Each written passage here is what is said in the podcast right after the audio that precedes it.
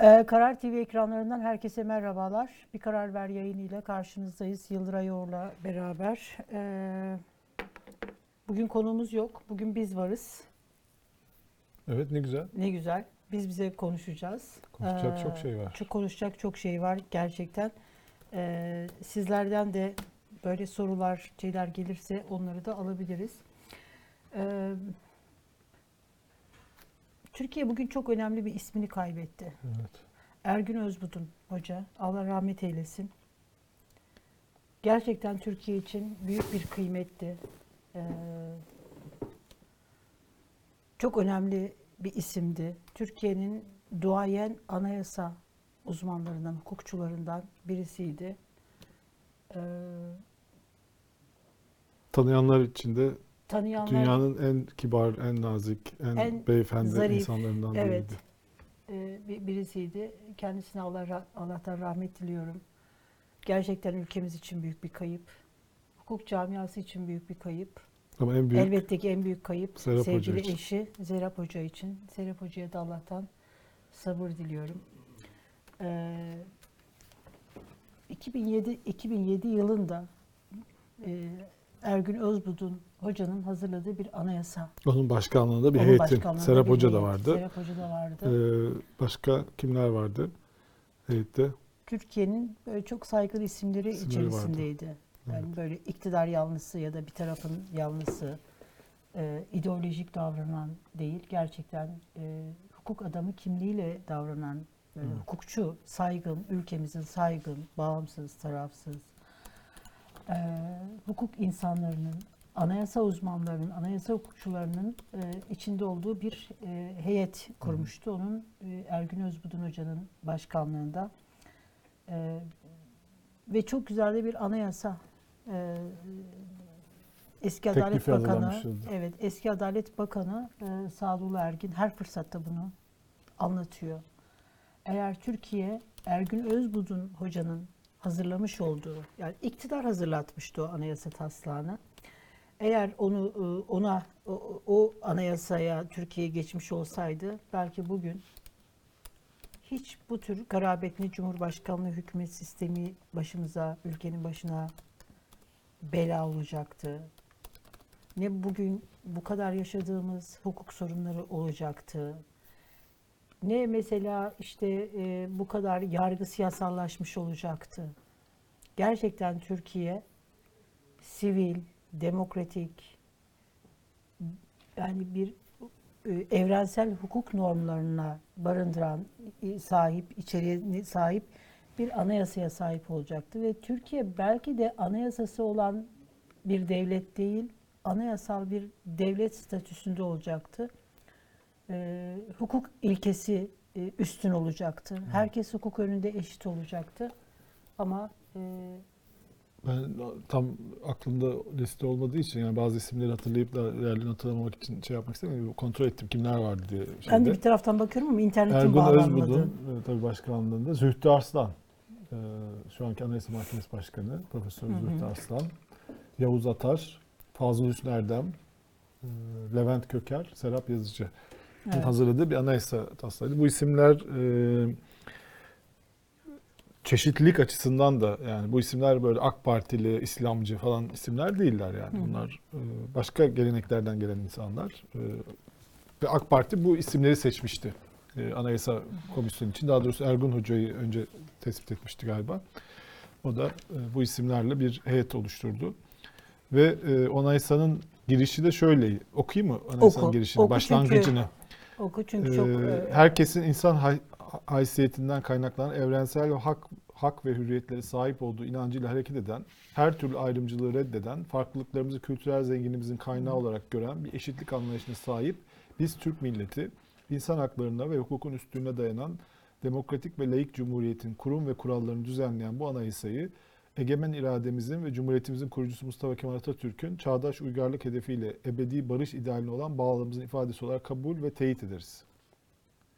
Yani Türkiye 2007 yılında AK Parti iktidarı döneminde başlangıcı böyle olan ve bu kadar çeşitli kesimlerden gelen bir heyetin hazırladığı bir anayasaya hazırdı.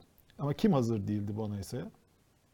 maalesef muhalefet hazır değildi o zamanlar. Evet. Yani şu anda İktidar Şu- hazırdı. iktidar hazır. Ama iktidar da çok içselleştirdiği için değil. Bugün şimdi hani geriye Evet, bakıp güç, okuduğumuzda güç ilişkileri öyleydi o Evet. zaman ama bunu hazırdı. Fakat muhalefet şu anda şu anayasanın başlangıcındaki e, paragrafa yani bazıları itiraz edebilirler. Bazı şeylere itiraz edilebilir. Ne bileyim biz Türk milleti lafına Kürtler itiraz edebilir falan. Belki de itiraz etmezler de yani belli olmaz. Çünkü o konularda tartışmalar var.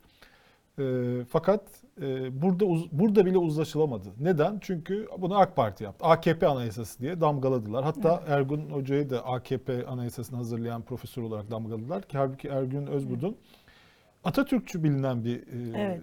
şeydi değil mi? E, anayasa hukukçusu, siyaset bilimciydi. Yani akademik olarak çok e, yetkin olduğunu bütün uluslararası yayınlarıyla bütün dünyanın tanıdığı bir Türkiye'deki tartışmalarda anayasa tartışmalarında zaten çok saygın bir isimdi. Fakat ideolojik olarak, fikri olarak Atatürkçü olduğunu saklamayan da e, biriydi.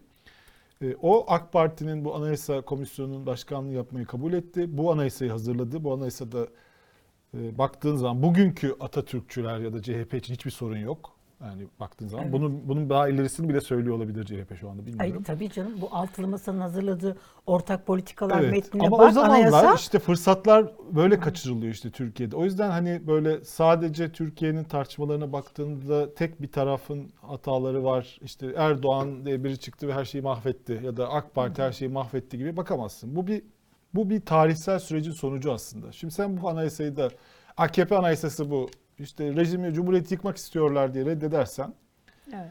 ee, ondan sonra da şimdi de AK Parti'nin getireceği tam olarak ne olduğu belli olmayan bir anayasaya e, orada pazarlık gücün bile yok yani şu anda Evet. değil mi? Ve senin de söylediğin gibi başkanlık sistemi de zaten gelmiş geçmiş zaten yani esas değişiklik de yapılmış yani. Tabii. Burada başkanlık Tabii. sistemi de yok yani. Tabii, Asla tabii. yok. Hiçbir Hayır, şey yok bu, başkanlık sistemine e, dair. Ergün Özbudun'un Özbudun hocanın hazırladığı e, bu a- anayasaya hani bu anayasa gerçekten e, o dönem sahip olsaydı Türkiye bu anayasaya geçmiş olsaydı bugün Erdoğan da her başı sıkıştıkça böyle Türkiye'nin sivil bir anayasaya ihtiyacı var. Bu millet de bunu hak ediyor. Ben Yıldıray bu sözü duyduğum zaman Erdoğan'dan gerçekten tahammül edemiyorum. Böyle hani tamam yani 20 yıl 20 yıl ya 22 yıl ne 20 yılı artık hani 20 yıl bile bitti. Her böyle baş sıkıştığında, her böyle işte hani bir gündem değiştirilmek istediğinde benim milletim yeni bir işte sivil bir anayasayı hak ediyor. Benim milletim bunu ya o zaman 20 yıldır niye yapmadınız? Yaptınız. Anayasa anayasada değişecek. Ne bıraktınız? Yani 20 yıldır değişe değişe değişe Ama 20 değişe. yılın her Ama- her anı aynı değil ama işte. ya aynı değil ama 2011'de komisyon kurdular mecliste biliyorsun AK Parti. Ee, meclisteki Şunu- bütün partilere eşit koltuk verdiler. HDP, MHP Doğru. hepsinin eşit koltuğu vardı. Ta- tabii. Vermek zorunda değildi yani %50 oy almıştı Ama sonuçta. onun sebebi de mesela şey, şimdi şunu söylemek istiyorum, ona, ona geleceğim. Ee, şu, şunu söylemeye çalışıyorum. Yani Erdoğan iktidarı da bu anayasayı değiştirdi ama bunu böyle hukuka göre değiştirmedi. Kendisine nasıl yarıyorsa, Evet. işleri nasıl yarıyorsa 2015'ten yap sonra oldu böyle, onlar. evet, 2016'dan bunları sonra oldu. Ama o zamana kadar öyle değildi yani. Onu demek O istiyorum. zamana kadar bir sürü öyle anayasa değildi. denemesi yaptı ve İyi hatta bir tanesini. Sadullah Ergin bize de anlatmıştı. Evet. Bir e, askerlerin İşte beni bu- kapatma davası vesilesi oluyordu. zaten bu anayasa. bu anayasa Aynen. Ergün Özbudun Hoca'nın hazırladığı e, o anayasa teklifi sonrasında Sadullah Ergin dönemin bu anayasayı e, Cemil Çiçek duyurmuştu. Ergün Özbudun Hoca açıklamalar yaptı. E, ve Sadullah Ergin de o zaman sanırım şeydi e, grup başkan vekiliydi. Evet. Ya yanlış hatırlamıyorsam. E, askerden 2009'da Adalet Bakanı oldu. 2007'de bu evet 2007'de askerden tehdit aldıklarını bizim programımızda da söyledi. Evet. E, Böyle zaman zaman gazetecilere verdiği röportajlarda da e, bunu e, açıkladı. Hatta e, bunu e, şeyde e, Ergün Özbudun Hoca'nın sözünden okuyorum. Sadullah Ergin'i tehdit aldıkları yönündeki açıklamasını hatırlatan Evet. Ergün Özbudun o dönemdeki e, işte hani neden olmadı bu anayasa. Bu anayasa çalışmasını devam ettirmeleri durumunda partiye kapatma davası açılacağını söylemişti. Bu iddiayı ciddiye alıyorum. Ergün Özbudun Hoca'nın sözü. Çünkü Sadullah Ergin bunu bilecek pozisyonda biriydi. Nitekim gündeme de gelemedi maalesef bu taslak. Evet, Oysa gelemedi. gayet Bunun demokratik neydi? bir metindi. Buydu işte tehditler. Zaten bir tehditlerdi. Asker tehditiydi. Hatta o zaman e, AK 2007 Parti yılı nasıl bir bu yıldı işi ya? şey yapmak için e, yaymak için yani tamamen vazgeçmiş demek olmasın diye. Halbuki anayasa teklifi hazır yani hazırlanmış Evet. zaten. E, TOBA Türkiye Odalar Borsalar Birliği'ne e, siz de hani bir çalışmalar yapın. Türkiye'yi dolaşın Evet. anayasa şeyi. Onlar da böyle e, işte Türkiye anayasasını tartışıyor diye. Hani tamam yapılır da. Bu toplantılar yaptılar. Olay böyle şeye sürüncemeye kaldı. Onlar da katkı yaptılar buna. Yani olayın böyle dağılmasını sağladılar. Fakat sonra başörtüsü düzenlemesi gelince yine 2008'deki e, şey geldi. Kapatma, davası, geldi. Yani iktidar bu teklifi e, işte hani meclise getiremedi. Bu gündemi bile hani hazırlandı ama kaldı, üstü örtüldü. İktidar bunu getirmedi ama bir yıl sonra AK Parti hakkında yine kapatma davası açıldı. Şey olmuştu Rahmetle hatırlarsan. anıyoruz, e, Zafer anıyoruz. Üskül Allah vardı. AK, AK Parti milletvekili olmuştu sonra e, Zafer Üskül Hoca. Evet. E, o bu anayasa taslağı üzerine bir konuşma yapmıştı. Zafer Üskül şey değil miydi? Kurucular arasında da yok muydu? Yok değildi. Değil Sonradan miydi? 2007'de Ha, girmişti o. E, Böyle as o da böyle solcu bir entelektüeldi. E, o şey demişti e, işte anayasanın girişine Atatürk e, çıkarılmalı gibi bir açıklama yapmıştı. O bayağı o kesimleri o ayağa kaldırmış. Tabii ki anayasanın girişinde öyle bir şey yoktu. Yani, Evet. Atatürk vardı zaten girişinde. Ama onun açıklaması o kesimleri ayağa kaldırmıştı ve o dediğin işte senin anlattığın kapatma davası tehdidi ve bu anayasa taslağının e, askıya alınmasına neden olmuştu. Yani Türkiye dönüp dolaşıp gelip bu anayasayı yapacak. Şimdi Yani şey Türkiye'nin ki, başka çaresi yok. başka yani bu çaresi anayasası, yok. bu anayasa Nasıl böyle bu kadar demokratik hukuk işte hani böyle evrensel hukuk ilkelerini barındıran işte manifesto gibi böyle bir anayasa taslağı iktidar bunun e, Erdoğan bunun hazırlanmasını istedi ve buna razı oldu. 2007 yılı e, şu Alex Tocqueville diyor ki bu Amerikalı Demokrasi kitabında bir şey var. Tam cümleyi hatırlayamayabilirim ama hani olduğu gibi şöyle söylüyor. İktidarlar diyor siyasi iktidarlar çok güçlü oldukları dönemlerde e, kanuna, hukuka sarılırlar. Gayet diyor işte hani böyle hukuk ilkelerini şey yaparlar. Hukuk çerçevesi içerisinde hareket ederler. Ama güçsüzlüklerini hissettikleri yerde bu sefer diyor hukuku sopa olarak kullanırlar. tam tersi. Tam tersi. Evet. Şimdi Yani hukuk güçsüz olduklarında hukuka sarılıyorlar. evet güçlü, güçlü, olduklarında olduklarını. sopa. No no no hayır. Güçlü oldukları dönemde 2007'de aslında baktığında Güçlü müydü? e, tabii ki çünkü Cumhurbaşkanı seçtiremedi. A- seçtiremedi ama o başka bir rejim kriziydi. Fakat şeye baktığın zaman e, e, gelmiş işte devlet e, DGM'leri kapatmış, Türkiye'yi o halden çıkartmış. 2007 yılını düşünsene 2004 yılında Avrupa Birliği bütün Avrupa işte A- AB ülkelerinden Türkiye'ye demokrasi böyle hani e, destek açıklamaları geliyor. Türkiye'yi öven açıklamalar geliyor. E, enflasyonu yenmiş. E, Türk ceza kanunlarında işte o dönem AB standartlarına uygun değişimler ceza kanunları işte hani ce yapmış AB standartlarına gelme şeyleri var. E, ve 2007 Türkiye'nin evet bir rejim krizi yaşadı ama yani e, o dönemde e, şeyi hatırla Türkiye'nin pek çok böyle hani demokrasi isteyen, askeri vesayete karşı olan liberal çevreler, işte demokratlar, sosyal demokratlar da AK Parti'yi Yani destekliyorlardı. şimdi suçlanıyorlar bu yüzden. Bugün suçlanıyorlar tabii. Halbuki o zaman AK Parti O e, yüzden güçlü diyorum. Yani içeride güçlüydü, ekonomik olarak güçlüydü. Düşün ki bir yıl sonra bütün dünyayı kasıp kavuran bir ekonomik kriz Avrupa'yı tarumar etti. Ama Türkiye'yi teğet geçti. Yani Türkiye onun altından kalkabildi. Neden? İşte güçlüydü. Yani içeride hani öyle biz güçlü olacağız işte e, şey değil.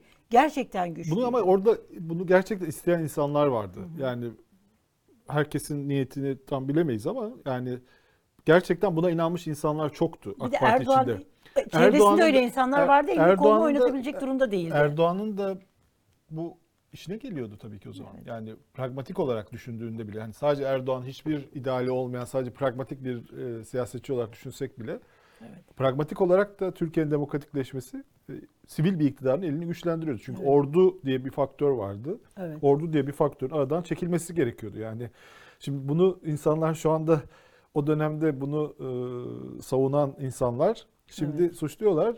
Bunu suçlayanlar acaba neyi öneriyorlar? Yani ordu diye bir faktör olmalıydı böyle muhalefet partisi gibi e, denge unsuru, anayasa mahkemesi gibi ordu diye bir faktör olacaktı tepede.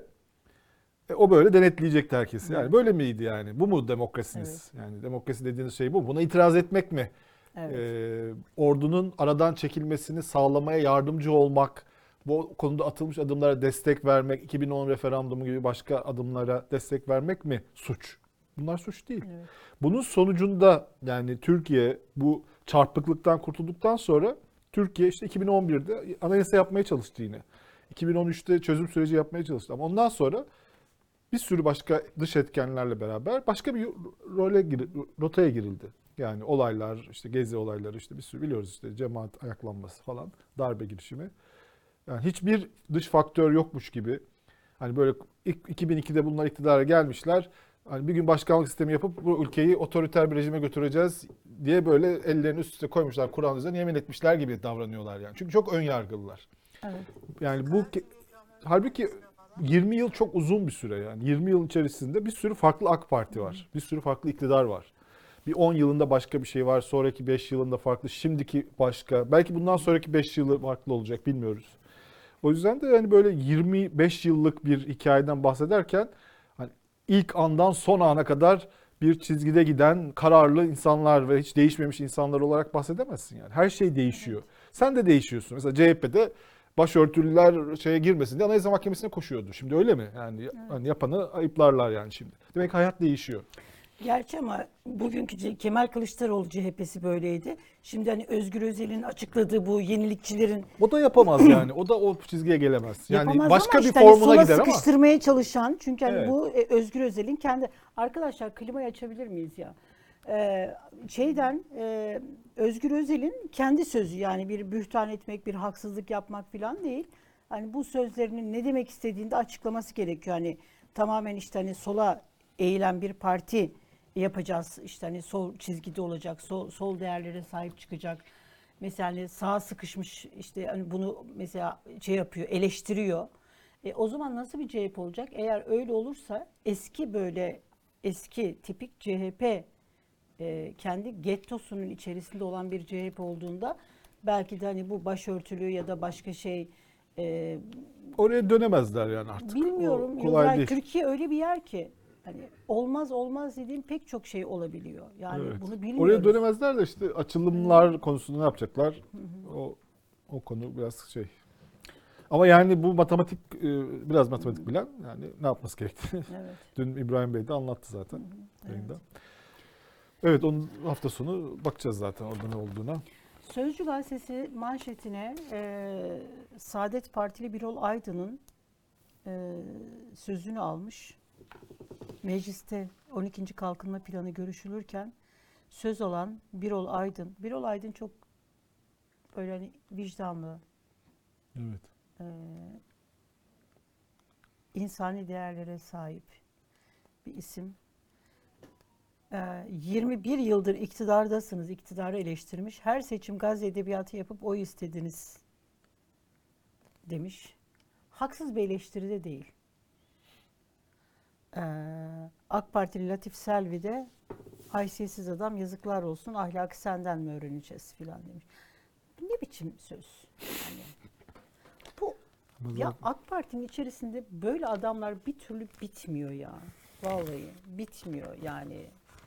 Bir üslup, bir dil var. Yani güç böyle herhalde bunların böyle şey yapıyor. E, yalan mı kardeşim? Yani belediye seçimlerinde bile e, işte Beylikdüzü düşerse, Beylikdüzü müydü neydi? Esenyurt, pardon. Esenyurt, Çok Esenyurt. özür diliyorum. Esenyurt'un da Gazze ile ne alakası varsa Esenyurt düşerse Gazze düşer, Mekke düşer, Gazze değil Kudüs bayağı. Kudüs düşer demediniz mi? Yani bu şekilde seçim almadınız mı? Her seçimde şimdi hani her seçimde 20 yıldır iktidarda Gazze edebiyatı yapılmadı mı? Filistin edebiyatı yapılmadı mı? Peki Peki nereye Ne- bağlıyor? ne Ne, yaptı? yapması lazım şu anda? efendim? Nereye bağlıyor? Birol Aydın'ın eleştirisi doğru da. Yani ne, e, yap, ne yapmadı diyor. Yani Büyükelçiniz bunu- mi geri çekin diyor mesela. Hani önerisi ne? Çünkü mesela Bolivya Büyükelçisini geri çekmiş. Ee, Şili çekmiş. Türkiye daha önceki daha basit olaylarda geri çekmişti. Yani Gazze'de yani her zaman katliam oluyor yani burası böyle şimdi spor orada- gibi yani. Evet. Ee, orada İsrail da orada katliam Saadet yapıyor. Partisi'nde de şöyle bir şey var. Ee, işte mevzuyu BOP'a bağlamış Büyük Ortadoğu Projesi'ne. Şimdi Saadet Partisi'nde de şöyle bir şey var. Yani bunu mesela Temel Bey'in e, ya hani bütün her şeyde Yok iyi, yok onu iyi onlardan bekleme onu yapamazlar. yapamazlar değil mi? Yok, Yani Erbakan bir Hoca'nın tezleri onlar çünkü. Ya tamam da ya Erbakan dünya değişti. Ne diyecekler? Erbakan hocamız yanlış 2023 şey yılındayız. diyecekler. Ya bu BOP projesine böyle anti-Siyonizme bağlayınca yani buradan hani gel işte Gazze'liler için şunu yapabilirdin. İşte, işte İsrail'le hani daha bölgesel aktör olup burada dengeler değişebilirdi. Yani şunu Öncülük söyleyebilir mesela der ki İslam buradaki çelişkiye evet, İslam Ama ülkeleri gelip öncülük gelip yapmak güzel bir cümleyle başlayıp sonra onu okumak istemedim sen kaşıdın mevzuyu. Yani o, o mevzuyu bu BOP'a bağlamak yani o, o orada bir damar var. Oraya bir basınca o, o mevzu BOP'a e, anti-Siyonizm şeyine gelince e, Saadet Partililerde böyle işte herkeste bir şey atıyor, kayış atıyor. Başka bir şey. Ya ben e, Gazze konusunda e, yani şu söylenebilir. E, yani daha önce çok ileri sözler söyleyen de büyükelçiler geri çekildi bir sürü olayda değil mi? İsrail'le. Şu anda tarihin en büyük e, katliamı yaşanıyor. Yani bayağı bir bölge 2 milyon insan vuruluyor. Şimdi mülteci kampı vurulmuş dün. İsrail'in ordu sözcüsü CNN'e çıktı. CNN'in şeyi bile Wolf Blitzer gibi hani o İsrail pozisyonunda çok şey olmayan biri bile hani oraya tamam Hamas komutanı var diye vurdum diyorsunuz da siviller olduğunu biliyor muydunuz orada olduğunu? Biliyorduk. İşte ne yapalım savaşta olur böyle şeyler. Bu noktada bir ülkeden bahsediyoruz yani. Hani gözü günü karartmış, katliam yapıyor. Amerika, İngiltere'de, Avrupa'da bunu yap diyor yani. Rövanşını al aman işte aman aksine bir şey söylemeyelim bize Nazi derler, antisemitiz semitik derler diye korkarak davranıyorlar. Amerikan Dışişleri Bakanı e, senatoda protesto ediliyor. Yani hani bırak Türkiye'deki İslam ülkelerini artık dünyada mü- müthiş bir tepki var buna yani. İşte Şimdi Birleşmiş Ha, Milletler evet, o. İnsan Hakları Yüksek Komiserliği New York Ofis Direktörü e, acayip bir mektup yazdı, istifa bir- etti. Evet. Soykırım yaşandı. Artık hani soykırım İsrail'in soykırım yaptığını, yaptığı şeyin Hitler'le aynı olduğunu artık herkes yani bunu böyle sadece İslam İslam ülkeleri demek istemiyorum. İslam yani. ülkeleri demiyor De- zaten. demiyor. Yani Latin Amerika ülkeleri daha ileride. E, Daha ileride. Batı Batı'yı eleştiriyorlar da Batı ikiyüzlülüğünü, bu İslam ülkelerinin yüzsüzlüğünü hani onların iki yüzü var. Bunlar hepten yüzsüz. Yani iki yüz de yok. O yüzden bunlarda. mesela ben orada tam Erdoğan eleştirisine katılmıyorum yani. Yani Erdoğan'ı şöyle eleştirebilirsin. Daha önce böyle çok üst perdeden gidiyordun şimdi niye alt perdeden gidiyorsun diyorsun ama şu anki konjonktürde Erdoğan yine en üst perdede kaldı zaten. İslam ülkelerinde kaldı da İslam ülkelerinden kimse e, hiçbir şey söyleyemiyor. Yıldıraycığım şöyle bir şey var ama. Tamam. E, en üst perdede istediğin kadar bağır. Sesin Türkiye sınırlarına çıkıyor mu? Çıkıyor şu anda. Yok hayır. Çıkıyor da ne oluyor? Yani Şunu yaptı bak, söylemenin Erdoğan- itibarı. Şöyle şunu söylemek Ha, söyle- istiyorum. o doğru Şimdi şey. bak şunu söylemek istiyorum. Şimdi ben AK Parti iktidarını eleştirirken Erdoğan'ı eleş- eleştir, eleştirirken ya da üzüldüğüm noktayı söyleyeyim tamam mı? Gerçekten samimi, sahici bir şekilde üzüldüğüm noktayı söyleyeyim sana. Eleştiriyorsun, sesin nereye çıkıyor? Sen istediğin kadar bağır. Bağırmanın yani sözün ağırlığı, itibarı ve gücünün olması lazım. Şimdi Erdoğan arabuluculuk işte yapmak istiyorsun. Kardeşim arabuluculuk olmaz. Arabuluculuk teklifi sana gelir. Çünkü hani senin bir gücün, bir şeyin varsa gelir. Bu da neye bağlı? Sen işte mesela diyorsun ki aktör olacağız. Yani bütün seçim beyannameleri şeylerine bak. 20 yıllık iktidar. 20 yılda AK Parti iktidar Erdoğan 20 yılda bütün İslam ülkelerine rehberlik, önderlik yapabilirdi. Tamam mı? Bunları domine edebilirdi. Bir arada tutabilirdi. Konsolide edebilirdi. Ondan sonra diyelim ki İsrail sorunu sadece İsrail'i protesto etmekle Büyükelçiliğin yanında işte bunlar tabii ki insani şeyler. Bunları Gazaptılar yapacağız. zaten, onu yapanları da. Bunu biz bunu bizler yaparız. Yani sivil toplum kuruluşları yapar bunu. Ama sen eğer 56 yıllık Filistin sorununu senin Filistin gibi bir derdin, sorunun varsa bunu böyle sürekli hani dile vurmuş şekilde söylemezsin. Bunun için ciddi anlamda bir şey yapar. Bunun yolu nereden geçer? Bölgesel aktör olmaktan geçer. Bunun yolu nereden geçer? Güçlü bir devlet olmaktan geçer. Güçlü devlet nasıl oluyor? Biz güçlü olacağız, diri olacağız, bir olacağız. Bayraklar inmesin, ezanlar susmasın hamasetiyle olmuyor maalesef. Kimse kusura bakmasın. Demokrasi karnende Bunun bunu Tamam. nasıl yaparsın? Sen ekonomik olarak güçlü olursun. Bölgesel aktör, bölgesel güç hatta dünyada aktör olabilmek için senin devletlerle Aranın iyi olması lazım. Ey ABD, ey Hollanda, ey Amerika, ey Fransa diye parmak sallamakla olmaz. Buralarla senin aran iyi olacak. Ben de bir şey söyleyebilir miyim? Sö- şunu bitireyim Tamam, söyle. Bu buralarla aran iyi olduğu zaman senin sen oralarda itibarlı olduğun zaman o zaman sen o masaya oturursun kardeşim. Diplomasi yürütülürken de oturursun. Masa kurulduğu zaman çağrılırsın. Sana gelirler derler ki sen aklı başına akil güçlü bir devletsin. Sözün de geçiyor itibarlısın. Gel bir arabuluculuk yap derler. Ya istediğin kadar bağır. Evet. Bu yani Söylediğim ha- katılıyorum fakat şöyle bir burada bir şöyle bir fark var. Yani şu söylediğin çok doğru. Yani bunu mesela Davos zirvesinde söylemek önemli yani. Davos zirvesine davet edilmek ve orada bunu İsrail Cumhurbaşkanı söylemek o Türkiye orada büyük bir şaşkınlık yaratmıştı. Çünkü Türkiye'nin iyi de bir karnesi vardı. Evet. Tür içeride itibarlıydı ve İsrail Cumhurbaşkanı da şaşırmıştı. Çünkü İsrail'le de ilişkileri vardı. Hani şey değildi böyle tamamen İsrail'le kötü ilişkileri İsrail'le yok değildi. ilişkileri iyi olanlar da hiç Türkiye'ye böyle tavır filan Ama şimdi bu olayda şöyle bir fark var sadece. Ee, Erdoğan aslında kendisinden beklenmeyecek şekilde 17 gün boyunca çok diplomatik bir dil kullanarak gitti. Yani arayı yapmaya çalıştı. Hatta çok iyi mesajlar verdi. Aman bu haç hilal kavgasına dönmesin. Yapmayın, etmeyin. Hani burada insanlar tamam sivillerin öldürülmesine karşıyız biz her türlü. Kim yaparsa yapsın.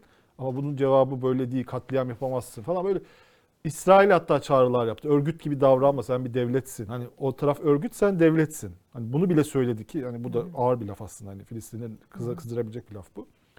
Fakat bu sefer yani bu olayda bence e, Erdoğan değil yani burada hatalı olan. Batı ülkeleri İsrail'e ilk andan itibaren hani ilk o Hamas'ın saldırısı yüzünden aşırı bir yeşil ışık yaktı.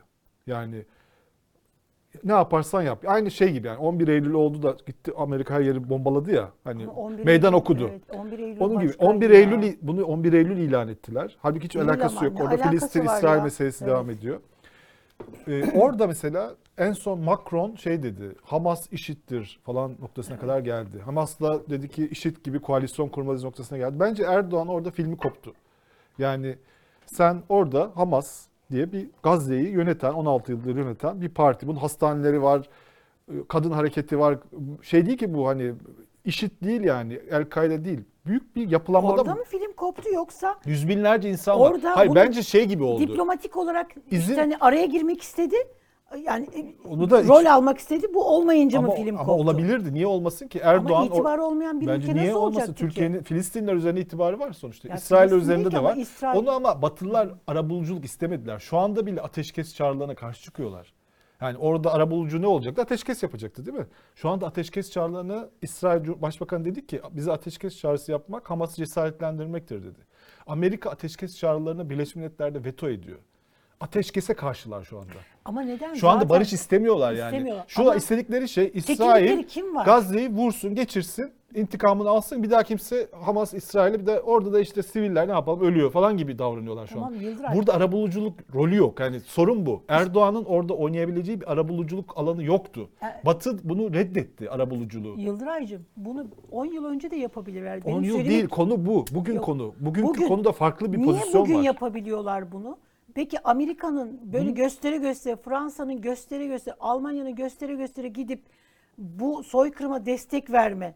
Bunlar zaten Filistin'in yanında yer almayacaklar ki. Bunlar zaten İsrail'in yanındalar. Ama, Ama, kadar, dün bu kadar aleni çekiniyorlardı. bir şekilde yapmaları Çünkü çünkü bugün çekinecekleri kimse yok.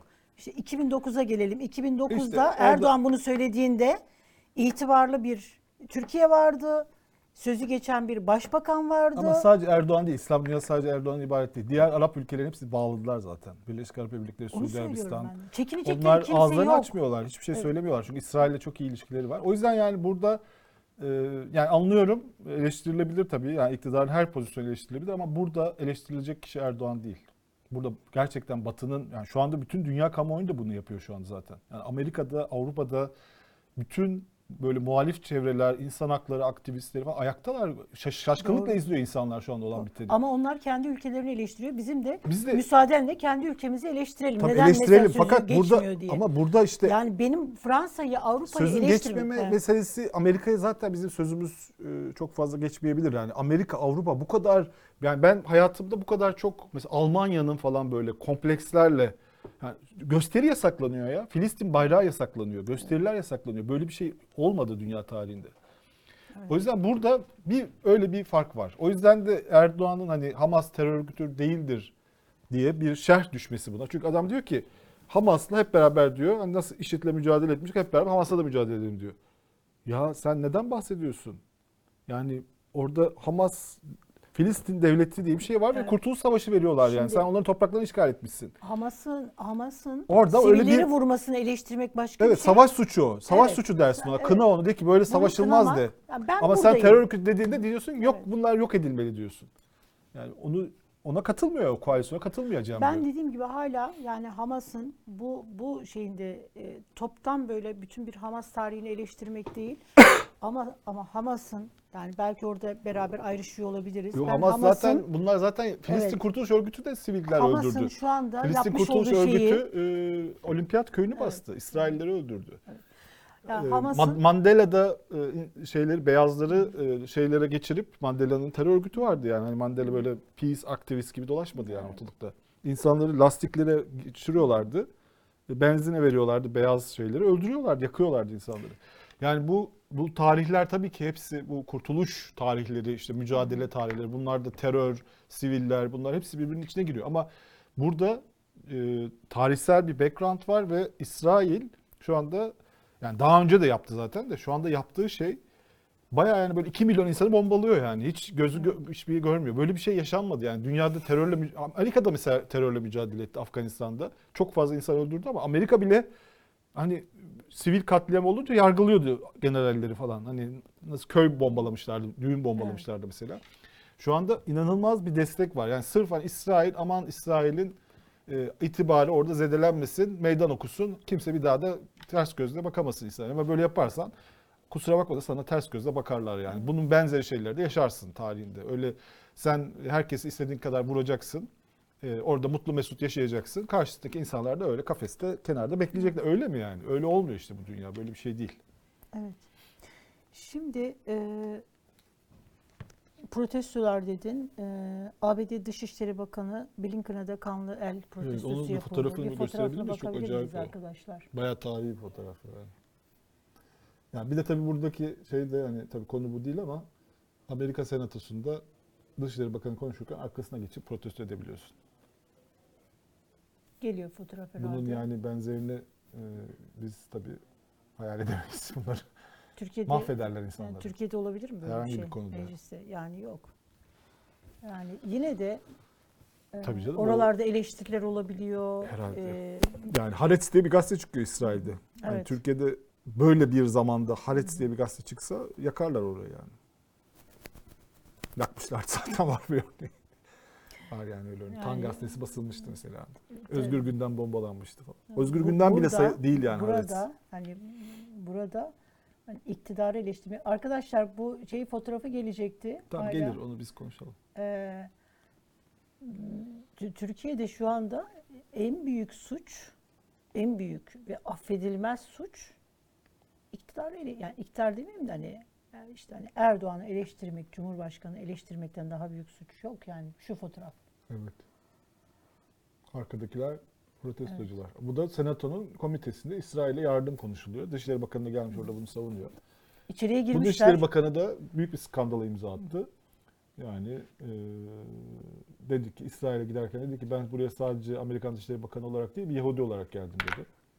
Yani böyle bir zamanda asla söylenmeyecek bir lafı söyledi. Erdoğan da bunu kullandı zaten bir konuşmasında. Şimdi Biden'ı gördüm. Kur'an'dan ayetler anlatıyordu. İşte bir yanlış görürseniz elinizde düzeltin şey var ya ayeti. Onu Evet. anlatıyor. Çünkü çok kaybediyor şu an. Çok ka- kan kaybediyor Biden seçimlere doğru. Bir de böyle bir bela olacak. Bir de Trump belasını başımıza bela edecekler bunun sonucunda. Evet. Hangisi daha bela tabii bilmiyoruz da. Bu şey ne diyorsun Yıldıray ya? Biz şeyleri konuşuyoruz. Türkiye ne acayip bir ülke haline böyle geliyor. Şu ben mesela Dilan Polat diye birisi varmış. Evet. Ben Bir şu- de kocası var Engin Polat. Engin Polat. Ee, ya inan bana ben bu kadının varlığından herhalde bir bu şeyler falan başladı ya bir anda. Ee, soruşturmalar bir anda gündeme düştüler falan filan. Ondan sonra haberdar oldum. Ee, acayip bir kara para aklama şey yürüyor. Kimin parasını akladıklarını e, konusunda bir tartışma var ama. Kim kimin parası aklanıyor? Vallahi bilmiyorum ama bayağı bir parası olan birinin parasını aklıyorlar. hani bu kadar Gizli şımarıkça isim mi? yaptıklarına göre. Abi şeyler ya Şimdi Mesela bir şeyi var. Hani kocasıyla alakalı adam para saçmaya bence bunlara kim parasını verip akla dediyse o da pişman olmuştur. O kadar şımarıkça ve e, utanmazca yaptılar ki bunu. Belki de dikkatleri bunların üstüne çekerek böyle oluyordur bu kara para aklama işleri. Yani Şeyde e, Netflix'te bir dizi vardı Ozark diye. evet evet. E, Kara Aynen. para aklamayla alakalı. Herkes o dizileri izleyip izleyip işlere girdi. Şimdi bak burada çok ilginç bir şey var yalnız. Bence bu olayda en ilginç şey. Ne? Şimdi bu adamlar Anlamaya çalışıyorum gerçekten ben. bunlar bayağı bir süredir böyle saçına bigudi yapıyor parayı işte altın şeylerle kahvesine koyuyor altın tozu içiyor falan böyle yani, yani utanmazlığın dibi artık böyle yaşıyor bunları. İşte şey e, şey çağırıyor getir çağırıyor ondan sonra kuryeye ay ben sana çok üzüldüm sana bir tane altın hediye ediyorum de altın hediye ediyor falan. Bunları böyle yaşıyor. E, Bunlarla ilgili kamuoyu baskısı üzerine yani bu ne kim bunlar işte mücevherciymiş de bilmem kimsenin bilmediği bir mücevherci falan hani bilinmeyen bir şey. Uçak falan Kamuoyu almışlar. baskı evet tabii. Birbirlerine O- karı koca Evet, birbirlerine. uçak onun girişine araba, çiçekler mi çiçekler giriş falan böyle çok filan. aşırı maganda bir hayat yaşıyorlar. Ee, kamuoyu baskısı olunca masak soruşturma açtı nihayet. Ondan sonra da Emniyet Asayiş e, Büro işte soruşturma başlattı bunlarla ilgili. Fakat yani o soruşturmanın üzerinden bayağı bir geçti. Yani bir, bir ay falan oldu galiba. Birileri engelliyordu herhalde. Aynen işte zaten bu açı yazıldı da zaten. İstanbul Cumhuriyet Başsavcılığından bunların mal varlıklarına el konulmasını istedi Asayiş Büro. Tabii ki yani masak raporu gelmiş, şüpheli hareketler var. Koymadı. Koymadı. Bunu bize değil adresler Anadolu Adliyesi dedi. Anadolu Adliyesi'ne attı. Sonra Anadolu Adliyesi'nden bu kararı çıkardılar ama bu arada bayağı bir para gönderilmiş oldu o şirketlerden. Bu adamlar televizyonlara çıkmaya devam ettiler bu arada. Haklarında emniyet soruşturma yaparken televizyona çıkmaya, işte Twitter'da konuşmalar yapmaya, açıklamalar yapmaya devam ettiler. İşte en son şey açıklaması yaptılar. İşte biz Allah bizi affetsin, işte tövbe kapısı açıktır. Biz Ya yeni bir yönelime girdik. Evet evet dün öyle bir açıklamaları vardı. Fakat o kurtarmadı onları. Demek ki Kandırıldık. bu arada bir şeyler oldu. Yani birileri bu bunların harcadığı bu paralar var ya. Hı hı. Hani böyle bir sürü paralar. Bu paralarla soruşturma böyle yavaşlatıldı. Yani yavaş yavaş geldi soruşturma. Şimdi de artık e, bir yerde düğmeye basıldı. Bunun kardeşi herhalde uyuşturucu açık bir şekilde uyuşturucu kullandığını falan itiraf etmiş. Rol model olarak böyle bir çünkü hani bu sosyal medya insan hani Evet. e, acayip bir şey. Fakat e, kirliliğin bu kadarı. Hani uyuşturucu o şeyleri e, kara para aklama ya Türkiye Yani yargı hiç çalışmamış. şimdi şöyle Öyle bir hani şey masak olduğu çalışmamış. görülüyor. Ee, Aslında şu anki uyuşturucu operasyonlarıyla da bir dönem, bir süre Türkiye'deki ekonomik krize çözüm olarak sanki hani böyle kara para etrafta hani böyle bir hani dolaşsın çok sorun yok. Hani sen de gel, sen de gel gibi bir şey olmuş. Sonra ama bunun artık cırkı çıkınca da şimdi düğmeye basıldı. Toparlıyorlar herkesi gibi görünüyor. Bana öyle geliyor yani. Cılkı çıkınca Çünkü mı? yani basit bir şey değil. O kadar çok var ki. Sırp e, uyuşturucu çeteleri, Hollanda uyuşturucu çeteleri Türkiye'deler. Ali Ali Yerlikaya İçişleri Bakanlığı'na gelmeseydi, Erdoğan İçişleri Bakanlığı bir politika değiş yani şey strateji değişikliğine gitmeseydi bu operasyonlar olabilir miydi? E, olmayacak tabii. Olmayacaktı. Yani yapısal bir mesele var yani Yapısal bir mevzu var. Başka bir şey var burada. Yani. Yani tek tek olaylara bakınca anlaşılmıyor. Türkiye'nin kılcal damarlarına kadar bütün böyle her şeyine kadar yolsuzluk, rüşvet. Şimdi daha mesela emniyette Tolga Şardan'ın yazıları yani o çok cesurca böyle çok şey yazılar yazıyor. Ee, o yazıları gördüğün zaman e, yani emniyette mesela konuşulanlar tamam mı? Ben mesela şeyde Bakırköy e, Bakırköy'deki bir hadise birkaç yıl öncesinde. Yani 3 yıl falan oluyor bir şeyi hadiseyi hatırlıyorum. Bu şey bir çete var. ismini söylemeyeyim. Başıma iş açmak istemiyorum. Hakikaten böyle şey vardı. Ee, şey var ya şimdi Tabi'in kitabını yeni okuduk. Neden e, 29 19 Ekim. Cumhuriyet? Oradan Hüseyin Cahit anlatıyor. Hüseyin Cahit'e işte şey e, bu Yunus Nadi filan korkak korkuyor musun falan filan bir, tür, bir sürü böyle şeyler var. O da diyor ki evet korkuyorum. Bu diyor benim hatam mı? Benim şeyim mi? Korkuyorum. E korkuyoruz kardeşim. Yani başımıza iş gelmesinden ondan sonra e, öyle bir e, İçişleri Bakanlığı dönemi yaşadık ki yarın yani sokağa çıktığımızda başımıza ne geleceği belli değildi. Yani Anayasa Mahkemesi başkanı tehdit edildi ya bu ülkede. Korkmaz mısın böyle bir ülkede? Emniyete çıkabilir misin sokağa? Çıkamazsın. Korkuyorum. İsmini vermeyeceğim ama bir e, çeteyle alakalı Bakırköy o dönemin e, ilçe emniyet müdürü e, bayağı bildiğim bir şeyde böyle bir e, iş kazası o şeyde bir ocakta 2-3 kişi ölüyor. Bunun üzerine o çete devreye giriyor. Onlarla alakalı işte hani onların şeyi var. su- Suçlu olduğu bir şey filan. Bir şeyler İlçe Emniyet Müdürlüğü'ne e, bakanlıktan şey gidiyor. E, gözaltı olmayacak işte bilmem ne olmayacak falan. O da diyor ki ya burada hukuki bir şey var. Buraya yani gözaltı hani talimat geldi şey geldi. Hani bir dönem biliyorsun emniyetin içerisinde iki grup vardı. Ad- yargıda da öyle. Yargı emniyet e, böyle birbiriyle mücadele içerisindeydi Abdülhamit Gül işte Süleyman Soylu döneminde.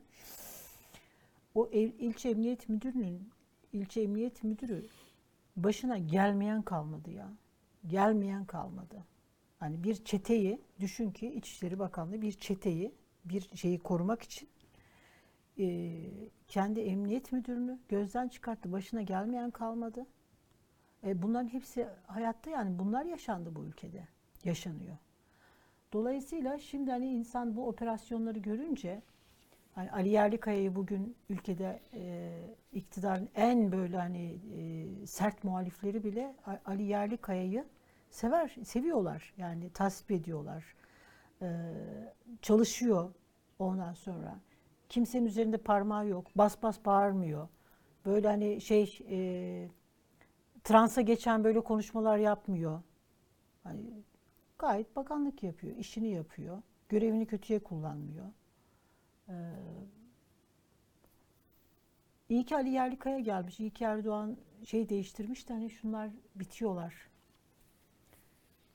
Gerçi arka planda neler oluyor bunu bilmiyoruz ama Allah sonumuzu hayır hayretsin diyeyim. Bu şeyi takip ettin mi Yıldıray? Onu da konuşalım da bitirelim programı. Neyi? Ee, şu 12. kalkınma planı. Etmedim. Hiç etmedim biliyor musun? Neden ilgini çekmedi? Hayır. Niye çeksin ki? Bir, Bir şey yok. Yani oradaki herhangi bir şey gerçek olacak mı? Seni çok umutsuz gördüm. Yani kalkınma planı onlar böyle yapılır işte. Yalnız kademe kademe düşüyor ya. Yıldıray. Kademe kademe Erdoğan ne söylerse e, bunların hepsi teker teker teker teker böyle e, şeyden düşüyor. E, bu Türkiye hani ekonomisi büyük 10 ülke arasına girecekti 2023 yılında biliyorsun. Kişi başına milli gelirimiz 25 bin dolar olacaktı. Ondan sonra bunların hepsi ertelendi. Şimdi mesela e, Türkiye 2053 yılında e, ilk 10 ekonomi büyük dünyanın ilk büyük 10 ekonomisi arasına girme planımız 2023'te olacaktı. Olmadı. Nasip kısmet. Yıllar bitmedi ya. Ne olacak yani? 2023 o. Ama bir 3 var burada. Yani iktidar bir 3'ü tutturuyor. 2023 değil 2053 yılında. Ee, Bir Allah'ını izley- Bak bir izleyici demiş ki seçim öncesi dönemdeki takipçileri sanki kaybolmuş gibi. Elif Hanım'ın güzelliğini ya da Yıldıray Bey'in gömleklerine övgüler düzen o güzel insanlar kim bilir nerede şimdi diyor. herkes küstü kardeşim. Yani olanlarla devam ediyoruz. Olanlarla Yapacak şey devam yok. Yine ediyoruz. gelirler yani merak etmeyin. Evet, herkes Yani, depresyonda, herkes e, küstü. evet. Makul eleştirinin yine zamanı gelir. 5 yıl böyle geçmezsen yine herkes biraz şu seçim şeyini atlatsın. Ee, bu bir muhasebe dönemi olacak yani. Ama ciddi bir muhasebe dönemi olacak. Nasıl bir muhasebe dönemi bekliyorsun? Ya herkes kendine dönüp bakacak. Şimdi tabii bu yaşanmıyor. Mesela ben bugün yazdım. Dün dün mesela şey Nilüfer Göle ve Tanıl Bora sosyal medyada linç edildi. Gördün mü? Nilüfer Yok, Göle bir röportaj verdi T24'de. Cansu Çam, Çamlıbeli. Tanıl Bora da Ruşen Çakır'a e, konuştu. Ne söyledikleri önemli değil. Onların adını duyunca aa siz zaten böyleydiniz, siz AK Parti destek verdiniz. Yani kimlere neler söylüyorlar yani. Hani işte AK Parti'ye bunlar destek vermiş. Nasıl destek vermişler mesela? Ne yapmışlar mesela AK Parti destek vererek? Ee, ya sevim- bitmedi bu hala. ya. güzel güzel sevimli ordularını eleştirmişler.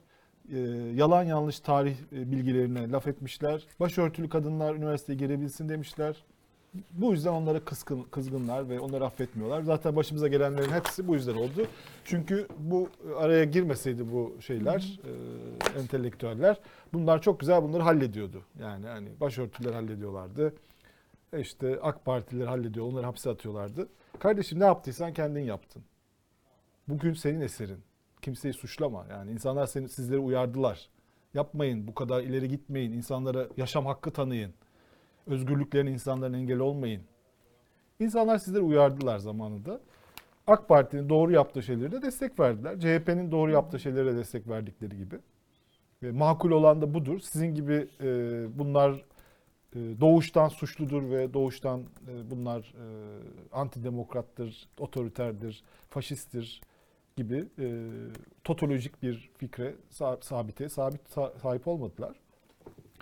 E, ne yaptıysanız kendiniz yaptınız. Karşınızda büyük bir rövanşist kitle yarattınız. Sizden nefret eden, yani dünyanın en yüksek enflasyon oranlarından birine rağmen sırf iktidarı size benzeyen insanları teslim etmemek için yani Kılıçdaroğlu diğerleri ne kadar çabalasalar da e, etraflarını gördükleri insanlar, medyada gördükleri insanların bu kafada olduklarını bildikleri için insanlar onlara gitti tekrar AK Parti ve Erdoğan'a teslim ettiler iktidarı. Size güvenemediler çünkü ve haklılar yani maalesef.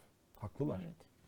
Yani biz çok çabaladık e, bu güvenin sağlanması için çünkü bunun buna ihtiyaç var. Yani böyle iki tane kutup halinde yaşayamayız yani. E, bu tarafta birisi adım atmaya çalışıyorsa diğer tarafa doğru diyorsa ki hani ben hani muhafazakarları da anlıyorum. Onlarla da beraber hareket etmek istiyorum diyorsa bu bu hayırlı bir çabadır ve buna destek verilmesi gerekir. Nasıl AK Parti'nin reformları, e, reform dönemleri hayırlı çabalarsa yetmez ve evet denilecek çabalar bunlar. Bun, hala kafayı buraya takarsanız bu entelektüeller Nilüfer Göle başörtülüleri anlamak lazım. Hani bu modern bir çaba. Başörtüsü takarak insanlar modern hayata girmeye çalışıyorlar. Bu sizin zannettiğiniz şey gibi değil gibi 90'larda böyle bir kitap yazdığı için onu affetmiyorlar. Ne demesi lazımdı? Yani sizinle beraber orkestraya katılıp e, başörtüler hurra evinize geri dönün. Siz istemiyoruz sokaklarda görmek istemiyoruz demesi lazımdı yani. O yani o toplumsal realitenin karşısında bir şey mi? Yani Nilüfer Göle başörtülere e, gelin hep beraber üniversiteye giriyoruz diye sadece gördüğünü yazdı. Olan bir şeye olan bir şeyi tespit etti. Sen olanla kavga ettin. Toplumdaki bir gerçeklikle kavga ettin. İnsanları e, üzdün, kızdırdın. Karşında da işte böyle bir şey gördün. Ne yaptıysan kendin yaptın yani. Entelektüelleri suçlama. Şimdi e, bir böyle şey e, Cumhuriyet Gazetesi'nde bir şey var. Ali Yerlikaya yine bu İsmail Küçükkaya'nın e, bir şeyini yayınlamışlar. E, orada okuduğum için Cumhuriyet Gazetesi dedim. E, Ali Yerlikaya İstanbul Büyükşehir Belediyesi'ne AK Parti aday gösterecek mi tartışmalar herhalde önümüzdeki günlerde de çok sıcak bir şekilde devam edecek. Osman Kavala cezaevinden bir açıklama yayınlamış bugün. 6. yılı, 6 yıldır tutukluluğun 6. yılında bir mesaj açıklama e, yayınlamış. Şöyle söylemiş, kısa kısaca kısa bir açıklama zaten okumak istiyorum. 6 yıl boyunca suç işlediğime dair hiçbir delil olmadan cezaevinde tutuldum. Bunun sona ermesini beklerken Yargıtay kararıyla hukuksuzluğun onanmasıyla infaz koşullarım ağırlaştı. Avrupa Konseyi Parlamenterler e, Asemblesi'nin kendisi de hapis deneyimi yaşamış olan Havel adına verdiği ödüle layık görülmem bana onur verdi. Ancak Hamas'ın sivillere saldırı eylemi, İsrail bombardımanının Gazze'de yarattığı felaket sevinmeme fırsat vermedi. Filistin'de büyük acılara sebep olan terör şiddet ortamını besleyen adaletsizliklere karşı tüm uluslararası kuruluşların daha fazla duyarlılık göstereceklerini ve uluslararası hukuk normlarına uygun biçimde barışın sağlanması için güçlü bir inisiyatif alacaklarını umuyorum. Havel'in dediği gibi en önemlisi umudu kaybetmemek. Ülkemde hukukun egemen olacağına dair umudumu kaybetmedim demiş. Ben vallahi kaybettim. Yani kaybet kaybedince ne yapacağız ki sonuçta Ya yaşamaya devam ediyoruz. Fakat insanları e, Evet. her Ee, kesimi kendi hatalarıyla yüzleştirmeye devam etmek lazım. Biz de kendi hatalarımızla yüzleşmemiz lazım. Yani e, ama bu diyaloğun ve şeyin bitmemesi lazım. Konuşmanın Evet, bitmemesi evet, lazım. bitmemesi- Yani evet. ondan vazgeçersen yani her sabah e, haftanın üç gün sabahları buraya geliyorsan umudun var demektir. Yoksa gelmezsin. Emin ol. Çünkü bu biliyorsun bu programdan bizde herhangi bir şeyimiz yok yani. yani hani bize ekstra bir şey yok bu programın. Biz bu programı yapmak istediğimiz için yapıyoruz. Biz Niye yapıyoruz? Konuşmak gibi, istiyoruz. evet. Konuşmak istiyorsak ve yazmak istiyorsak Evet. demek ki e, bir yerde bir umudumuz, var Umudumuz demektir. Doğru. İzlemek Haklısın. isteyenler de gelsinler, Haklısın, yapsınlar. bir- İnsanlar gidip evet. iste, yani insanların bu programları izlememesini ben anlıyorum yani. O yüzden hani programı az insanı izleyebileceğini biliyorduk zaten seçimden sonra Evet. geldiğimizde. Ee, ama yavaş yavaş insanlar e, yani Umudu evde aşılamak, yeni, e, Netflix dizileri şeyi- izleyip e, ya da ne bileyim yemek yaparak, ekmek yaparak hayatın geçmeyeceğini e, öğrenecekler. Farkına varacaklar. O yüzden tekrar konuşmaya ve siyasete geri dönecekler. Hayat devam ediyor çünkü. Bir sürü şey değişiyor. E, Her şey aynı olmuyor. Mesela ne bileyim Gazze olayı oldu. Bir anda dünyanın havası değişti değil mi? Yani dünyadaki Evet. pozisyonlar değişti bir anda. Hayat böyle bir şey yani. Hani böyle sabit diye bir şey yok. Yani sabit bir kötülük var ve bu devam ediyor. Sabit bir iyilik var. Bazen iyi tarafa, bazen kötü tarafa diyor. Bazen düşünmek lazım. Belki de bu hikayede kötü insanlar biziz. Düşünmek lazım. İnsan sürekli bunu sorgulaması lazım yani. Acaba biz bir kötülük mü yaptık da bunlar oldu?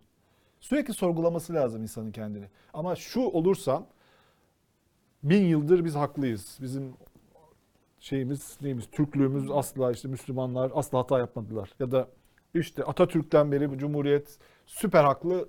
Gerisi hepsi karşı devrimci, korkunç insanlar. Gericiler, dinciler, yobazlar, bölücüler. Dünyaya böyle bakarsan e, tabii üzülürsün yani şu anda 5 yılda AK Parti ile yaşayacaksın. Allah sana yardımcın olsun. Ama dünyada her şeyin değişebildiğini, pozisyonların değişebildiğini, iyilerin kötülerin yer değiştirebildiğini ve bunu anlamamız gerektiğini yani kötü tarafa düşmemek için sürekli bir muhasebe ve müzakere etmek zorunda olduğumuzu farkında olursan o zaman e, daha dünya çekilebilir bir yer haline gelir. Evet. Doğru haklısın. Ben bir anda kendimle yani haftanın üç günü ben buraya buraya geliyorsak ki bizim bundan bir şeyimiz yok, bir çıkarımız yok, bir şeyimiz yok. Belki vazgeçersin diye söyledim Neden vazgeçerim? programlar. Vazgeçeyim mi? Yok etme. Yani, ben de tabii memnunum. ki. Evet, tamam. Gel- geliyorsak gerçekten bir demek ki umudumuz var. Evet. Ama insan kendisini gerçekten bir izleyicimiz demiş ki çok çaresiz hissediyorum. Evet hepimiz bu insanız, hepimiz bunu hissediyoruz. Ülkemle ilgili kendimi çok çaresiz hissediyorum demiş. Çok Vallahi- çaresiz hissetmek de bir seviyedir yani. Hiçbir Evet. şey hissetmeyebilirsin de. Evet. O daha kötü. Bir hiçbir şey hissetmeyenler var. Yani bu kadar olup bitene rağmen Umurunda değil. umrunda değil. Yani Ama o iyi bir şey değil işte. Bir şey değil. Yani işte cezaevlerinde e, on binlerce insan suçsuz yere şey yapıyor, yatıyor. Çocuklar şimdi hani Gazze'ye falan üzülüyoruz elbette ama e, burada mesela hani KHK'ları düşünsene Yıldıray. Evet şu anda Yani 29 elektrik Ekim'de su kesildi af diye bekliyordu burada insanlar hala evet, ümitle. af bekliyordu. Şimdi 20 şeyde Gazze'de böyle hani e, elektrik su kesildi diye böyle şey yapıyoruz. Ya buradaki KHK'lara sonra ki, ki pek çoğu da böyle sonra hani şey çıktı. İşte o baylok kullandı diye insanlara nasıl vebalı davranıldı? Ekmek su veril, verilmesin, ot yesinler, bilmem ne yesinler denildi. Şimdi hani bu tavırları düşünün. Bunlar bu ülkede de bunlar yaşandı yani. Ee, ön yargılarla, şeylerle. Ee, dolayısıyla ben her gün seyretmeye devam edeceğim. Lütfen bırakmayın. 10 kişiyi de getirirsen olur Ali. Sadece sen olmuyorsun işte. Bak biz de buraya bakınca diyoruz ki çok az insan var. Ee, Vallahi sevenler var Yıldıray bak bize. Selam Çok gönderiyor. kendimizi acındırdık, olur o. Acındırdık. yok yok. Ee, arkadaşlar söyleyin ve sosyal medya hesaplarınızdan herkes bir şey yapması lazım. Size bugün bir kitap önereyim. Ben her daim e, öneriyorum. Çok böyle Vallahi PDF'i helal olsun. Çok e, gördüğüm en çok kitap okuyan insanlardan birisin yani. Ben bu kadar kitap okuyamıyorum. yok şak yok ya. sen- Vallahi ben okuyamıyorum o kadar Ee, çok. Ben Timothy- sadece ihtiyaç olan şeyler okuyorum. Timothy Snyder'in Tiranlık Üzerine diye bir el kitapçığı var.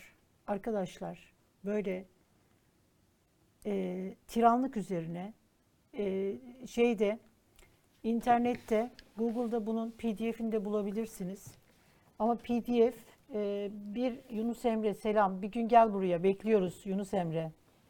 Oradaysan da ara- arada böyle ben buradayım diye bir şey ses ver bize.